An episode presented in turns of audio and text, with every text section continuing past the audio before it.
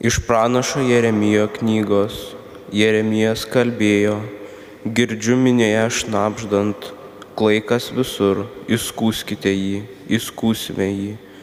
Juk visi mano, bičiuliai laukia, kad padaryčiau klaidingą žingsnį. Galbūt jis įsipainios į pinklės, tada jis bus mūsų rankose, galėsime jam atsikeršyti bet viešpats su manimi tarsi galingas gynėjas, todėl mano persekiotojai suklups, jie nelaimės. Baisi gėda juos lydės, nes jiems negali pavykti. Vien amžina nepraeinančią negarbę užsitraukė. Galybių viešpatė, tu ištiri teisųjį, permatai jausmus ir širdį. Leisk man matyti, kaip jiems atkeršysi nes tau patikėjau savoje bėdą. Gėdokite viešpačiui, šlovinkite viešpati, nes jis išgelbėjo vargšo gyvybę iš nedorelio rankų. Tai Dievo žodis.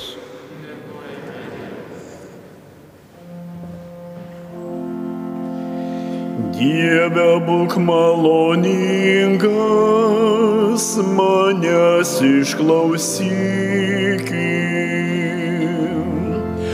Dieve būk maloningas, manęs išklausyk. Juk dėl tavęs kentėjau už gaulę ir gėda dengė mano veidą. Savo giminėms tapau lyg benamis svetimas broliams vaikams mano motės. Uolumas tavo namams, lyg ugnis manyje liepsnoja. Tau skirtos užgaulės ant manęs krinta. Dieve būk maloningas manęs išklausyk.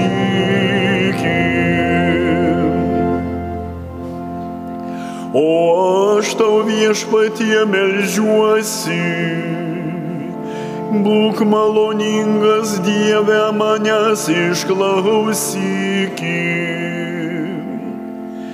Parodyk savo begalinį gerumą ištikimą savo pagalbą. Atsiliep man viešpatie, nes gera tavo ištikimo į meilę. Pilnas didžio gailestingumo į mane atsigręžkit. Dieve būk maloningas, manęs išklausyk. Nuskriaustieji matys tai ir džiugaus. Jūs ieškantis Dievo būkite drąsus juk viešpats girdi varguolių raudą, užjaučia savuosius vargstančius nelaisviai. Te šlovina į dangus ir žemė, jūros ir visa, kas juose gyvena. Dieve būk maloningas, manęs išklausyk.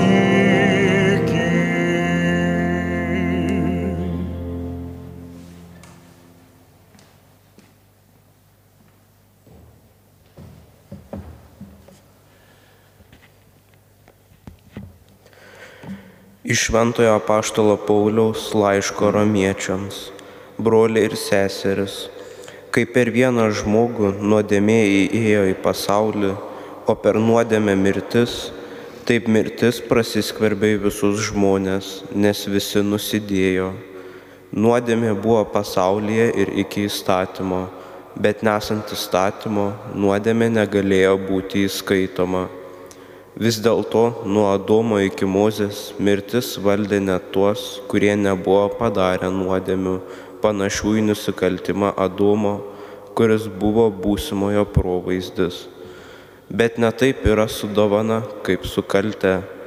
Jei dėl vieno žmogaus nusidėjimo turėjo mirti daugelis, tai dar labiau Dievo malonė ir vieno žmogaus Jėzaus Kristaus malonės dovana su kaupu atiteko daugybei. Tai Dievo žodis. Alleluja, alleluja, alleluja,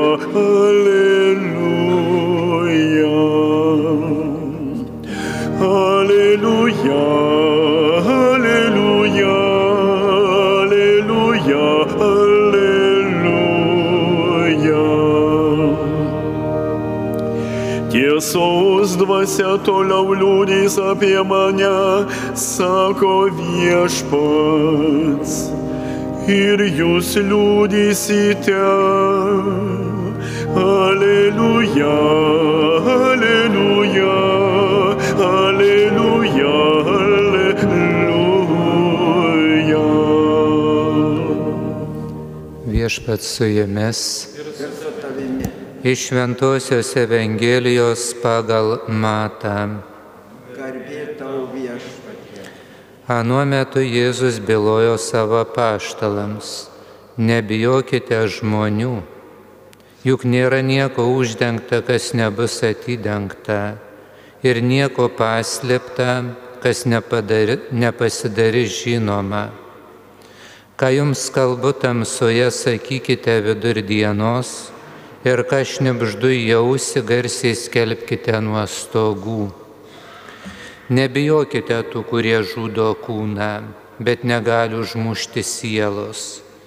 Verčiau bijokite to, kuris gali pražudyti ir sielą, ir kūną pragare. Argi nedu žvirbliai parduodami už skatiką ir vis dėlto ne vienas iš jų nekrenta žemėn be jūsų tėvo valios, o jūsų netgi visi galvos plaukai suskaityti. Tad nebijokite, jūs verten, vertesni už daugybę žvirblių. Kas išpažins mane žmonių akivaizdoje ir aš jį išpažinsiu savo dangiškojo tėvo akivaizdoje. O kas įsigins mane žmonių akivaizdoje, aš jo įsiginsiu savo dangiškojo tėvo akivaizdoje. Tai viešpaties žodis. Šlovė tau Kristau. Evangelijos žodžiai te panaikina mūsų gyvenimo klaidas. Mėly tikintieji čia katedroje ir prie Marijos radio imtuvų. Džiaugiamės mes, nes šiandien mūsų maldos galingesnės. Ne tik čia mes melžiamės, bet dar mums tūkstančiai žmonių padeda melstis kartu melsdamiesi, klausydami šių šventų mišių, juose dalyvaudami per Marijos radiją. Juk Jėzus Kristus yra pasakęs, kur du trys susirenka mano vardu, ten ir aš. Taigi dabar ne du trys, bet ko gero ir, ir keli šimtai tūkstančių kartų meldžiasi su mumis, tai turime būti nepaprastai dėkingi. O ką šiandien mus moko ypač Dievas?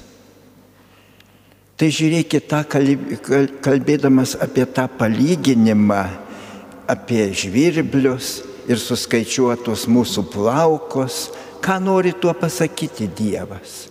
Kad viskas jam žinoma. Viskas yra jo rankose. Net jei kartai žmonės, kaip ir dabar, gamta yra iškreipta kiek dėl to, kad žmonės netvarkingai valdydami, kai, kai kur nukreipia visus dalykus, bet vis tiek Dievas to neužmiršta. Dievas visada yra mūsų mūs žinantis. Nu prisiminkim, kad ir COVID ta pandemija buvusi. Kaip atrodė baisu, kai popiežius Pranciškus vienas lietui lyjant meldėsi Švento Petro aikštėje Romoje. Ir kai kas priekaištavo, štai popiežiaus, e, e, štai Jėzaus Kristaus e, jau paskirtas popiežius, meldžiasi ir Dievas neišklauso.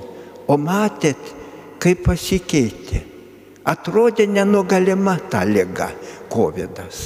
O dabar jau tik jos aidas šiek tiek girdėti. Taip, mes esame Dievo rankose. Ar sninga, ar lyja, ar audra, ar saulė šviečia, mes Dievo rankoje. Ar miegame, ar dirbame, ar sergame, ar būdime, ar žaidžiame, ar vaikštome, ar gyvename, ar mirštame, mes esame viešpaties. Tai turėjo galvoje poetas, jūrininkas Walteris Fleksas. Jis rašo iš karo savo motinai. Jūreivis. Ir karo metu, taigi pavojus, kad laivas nuskes ir visi jūreiviai. Jis rašo motinai, jei ateis žinia, kad mūsų laivas nuskendo, žinok, mama, jūra yra Dievo rankoje. Taigi aš iškeliausiu į amžinybę pas Dievą. Taip, Ar gyvename, ar mirštame, mes esame Dievo rankose. Žinoma, sunkumuose mums nelengva ištarti, aš Dievo rankoje. Bet taip yra. Dievas mūsų neužmirš, net jei ir mes užmiršime. Prisiminkime audrą ežere. Kai Jėzus užmygo, o kilo baisi audra taip, kad tiesiog užblokždavo bangos mokinius, kaip rašo, tokia svarbi vėtra, kad bangos ėmė valti. O mokiniai pripuolę tada ėmė žadinti Jėzų. Šaukdami, viešpatė gelbėk žūstami, o ką jis tarė jiems, ko jūs tokie bailūs mažatikiai. Kodėl Jėzus taip sakė? Taigi jūs turite žinoti, kad esate Dievo rankoje, kad aš su jumis esu. Ir tada jis sudraudė vietras ir ežerą. Taigi Jėzus net ir mėgodamas savo mokinių neužmiršo. O reikia, kad mes neužmirštume. Nes jeigu žmogus užmiršta, žmogus yra laisvas, žmogus turi teisę tvarkyti savaip gyvenime, žmogus gali pasakyti, man nereikia jokio Dievo, aš netikiu, gali. Bet iš mūsų Dievas reikalauja tikėjimo ir ištikimybės. O ištikimybė yra viena gražiausių žmogaus savybių. Juk ar ne, nesižavim žmonėmis, kurie prisiekia prie autoriaus, tuokdamiesi, kad mylės vienas kitą, ištikimi, netiki mirties. Kai šiandien tokia dažna neištikimybė, kaip toks dažnas ėjimas vis pas kitą meilužę ar pas kitą meilužę, tai tiesiog žavimės. Nuostabu, kad yra vis tik tai ištikimų žmonių. Taigi, ir mes tai turime prisiminti, kad mūsų ištikimybė turi būti ir tikėjime, ir maldoje. Kas išpažins Jėzų, net patirdamas sunkumus, tą ir Jėzus laikys artimų bičiulių pas Dievą tėvą. Tokiu žodžiu šiandien pasakė Jėzus Evangelijoje, bet taip pat pasakė ir priešingus žodžius, o kas išsigins mane žmonių akivaizdoje kada, mes, kada žmogus išsigina. Nebūtinai tiesiogiai prieš kokius kitus žmonės pasakyti, kad aš netikintis, bet jeigu nebesimeldžia, jeigu nebetvarko savo gyvenimo pagal Dievo įsakymus, pagal, e, pagal tai būdamas doras, teisingas, tampa kitoks, tai reiškia išsisigina Dievo. Tai tada ir Jėzus išsigins net ir mirus Dievo tėvo akivaizdoje. O ar žinote, tikriausiai žinote, kas labai akivaizdžiai girdint žmonėms išsigynė Jėzaus. Taigi apaštalas Petras, taip, taip prisiminkite, kai Jėzus suėmė kankinimui, vyriausio kunigo kieme, Petras tris kartus gynasi, aš nepažįstu Jėzaus. O ar Jėzus atmeta, va jeigu mes esam neištikimi? Petras tada išsigynė. Ar Jėzus atmeta tokį? Ne. Neždamas kryžių Jėzus gailiai žiūrėjo į Petrą. Ir Petras sutikęs Jėzaus žvilgsnį atsivertė. Ir tada Jėzaus žvilgsnis palėtė Petro širdį, taip kad Petras niekada nebesviravo tikėjime, visada liko ištikimas net iki mirties, netgi mirė už tikėjimą nukryžiuotas. Tiesa, prašė būdelių, kad jo nekryžiuotų kaip Jėzaus nes aš nevertas taip kabėti ant kryžiaus kaip Jėzus. Prašė, kad jį nukryžiuotų aukštin kojomis, kad šitokiu būdu jisai jam būtų priminta jo neištikimybė. Taigi, ar mes neturime taip pat prisiminti, kad ir suklumpame. Ir jeigu žmogus suklupo, neskubėkime dar jo smerkti tik melskimės už jį, kad jis pajustų Jėzaus žvilgsnį, kaip pajuto šventasis Petras, kad atsiverstų. Štai Amerikos New Yorko kardinolas Hejas pasakoja apie vieną žmogų, turtuolį, kuris buvo turtuolis, bet visiškai netikintis. Kiek be kalbėjo kardinolas su juo, kiek bandė įtikinėti, anas vis negrįžo prie tikėjimo, bet atsitiko nelaimė. Kardinolas neatsakė, ko gero ta nelaimė ir Dievo atsista buvo, kad atsiverstų. Kokia nelaimė? Subankrutavo turtuolis. Negalėjo išmokėti kitiems, kuriems priklausė. Už skolas pakliuvo į kalėjimą ir kalėjime atsivertė. Ir kai sugrįžo iš kalėjimo jau giliai tikintis, nes kalėjime atliko ir nuoširdžią viso gyvenimo išpažinti ir giliai, giliai tikintis grįžo. Ir štai jisai aplankė kardinolą. Ir pas kardinolą tiesiog ėmė verkti. Nors kardinolas džiaugiasi, kad tu jau tikintis, jog to visi meldėm ir aš norėjau, bet jis klausė kardinolo, ką daryti, kad dukrelė liko nekrikštita ir numirė apsirgusi vėžiu. Tai kas su ją dabar bus? nekrikštita, ji ko gero Dievo neregys, nes nekrikštita. Klausė kardinolo, ką daryti. O kardinolas paprasčiausiai sako, melskis už ją. Tai tas turtuolis sako, bet ką jai padės, jei ji be krikšto? Ką tokiam padės malda, maldos, jeigu jis numirė net nekrikštytas, net nesikreipęs į Dievą? O kardinolas sako, patikėk dukra į Dievo rankas. Jam nėra nei ateities, nei praeities. Patikėk, viskas jo rankose. Jeigu grįžai į tikėjimą, patikėk. Ir Thompsonas nutarė iki mirties kasdien už dukrą kalbėti rožančių. Ir kalbėjo be pertraukos. Nebūtų atsivertelis konvertitas.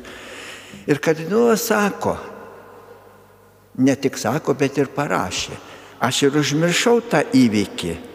O jis ar po dviejų metų pas mane ateina ir netverdamas džiaugsmų sako, mano malda išklausyta, mano dukra dangoje. Kardinolas rašo, galvojau, kad gal protelis taip jam pergyvenant pasimaišė gal vargšelis neteko protelio, o jis, tas Tomsonas, pasakoja. Atvyko pas mus buvusi mūsų tarnaitė Betsi. Kaip jį džiaugiasi, jį labai tikinti, kaip jį džiaugiasi, sužinojusi, jog aš katalikas. Bet pasakiau jai apie savo skausmą ir maldas papasakojau. O ji paprasčiausiai ramiai klausė, kuri dukra mirusi? Mirtlė. Jagi seselė Betsi tu labai rūpinais, nes ji labai sunkiai sirgo vėžiu. Tai va ji numirusi. O kas sako, kad ji nekrikštita? Tarnaitė buvusi paklausė. Kas, kas jums sakė, kad ji nekrikštita? Taigi aš žinau, aš uždraudžiau visus vaikus, e, visiems vaikams kalbėti apie tikėjimą. Ir apie krikštą ne, negalėjo būti nie kalbos. Ašgi trukdžiau, aš prisimenu, trukdžiau jos krikštą iki paskutinio jos atodusio, dar prieš kalėjimą. Ir ar manote, ką sako jam toliau toji tarnaitė buvusi Betsi? Ar manote, kad tarnai klauso visų šeimininkų įsakymų? Nežinok, ne visų klauso. Ypač tokių įsakymų neklauso, kurie grėsia žmogaus pražudimu. Be jokio sąžinės graužimo aš vis kalbėjau su mirtle apie tikėjimą, apie Dievą, nes ji labai pergyveno, žinojo, kad greit reiks mirti ir pergyveno. Jai kalbėjau, kad dabar, kai tu kenti, tai danguje džiaugsis, nes Dievas prižadėjo, kad nušuosis kiekvieną ašarą nuo, nuo kiekvienos akies. Tai jis susižavėjo mirtlė tikėjimu. Ir jau pati troško krikšto. Ir kai tu vieną kartą buvai išvykęs kitur, mes organizavome iškilmingai bažnyčioje mirtlę krikštą. Ir ji pasirinko Marijos vardą, kadangi buvo žolinės išvakarės. Tada, kai man šitą papasakojo, Betsi, sako tas Tom, Tomsonas, iš džiaugsmo vos nenukritau. Bet po to man kilo abejonė. Klausiu, bet tai neįmanoma, juk ji taip sirgo. O tarnaitė buvusi sako, tai tikra. Kaip ir mano stovėjimas dabar prieš jūs tikras. Galite iš parapijos pasimti metrikus. Nes, sakiau, oficialiai pakrikštinom ir, ir užrašyta parapijos metrikuose. Štai ta Tomsonas, virpėdamas iš jaudinimuose, ištiesi popierių. Taip, krikšto metrikai. Tada kardinosi prideda, kokią pasakišką galę turi malda. Ji net į praeitį galioja. Juk Dievas žinojo, kad atsivertęs Tomsonas melsis. Jis iš anksto Dievas priėmė jo maldą. Prieš keliolika metų Nes Dievui nėra nei ateities, nei praeities. Dievui yra visada dabar. Taigi štai, kai mes kartais melžiamės, atrodo jau labai beviltiškoj padėti, Dievui nėra beviltiškos padėties. Tai va, broli sesė ir mes kiekvienas tavęs turime paklausti, o mano tikėjimas Svarbiausia mano tikėjimas ta, e, tuo, kad aš Dievo rankose. Koks mano tikėjimas maldos veikimu. Kaip sugebu save nuteikti maldai. Va, aš manau, kad tai ypač skatina mūsų susimastyti. Garsiausias pasaulio psichiatras, psichologas Viktoras Franklis savo knygoje Psichoterapijos ir tikėjimo ryšys rašo, Turėjau tūkstančius, dešimtis tūkstančių nervų ligonių, pacientų. Ir patikėkite, tarp visų savo pacientų neradau ne vieno, kurio problema nebūtų susijusi su neigiamu nusistatymu, tikėjimu ar maldos atžvilgiu. Ne vieno. Jeigu žmogus nusitė... Mano tų ligonių tarpe visi buvo nusiteikę prieš tikėjimą prieš maldą. Ne vieno neradau kitokio. Todėl labai rūpinaus juos, jų nervų stiprinti, kviesdamas prie tikėjimo. Kiekvienas kenčia visų pirma dėl to, kad jis prarado tai, ką tikėjimas jam duoda. Ir ne vieno iš tų problemų neįmanoma išgydyti be tikėjimo pagalbos. Štai mokslininko žodžiai. Nervų ligonio net neįmanoma išgydyti be tikėjimo pagalbos. Tai va, ir šiandien e, Dievas ypatingai mus skatina prisiminti, kad jo apvaizdoje esame, kai jungiamės su juo maldoje, pokalbėje su juo. Tai to neužmirškime. Amen.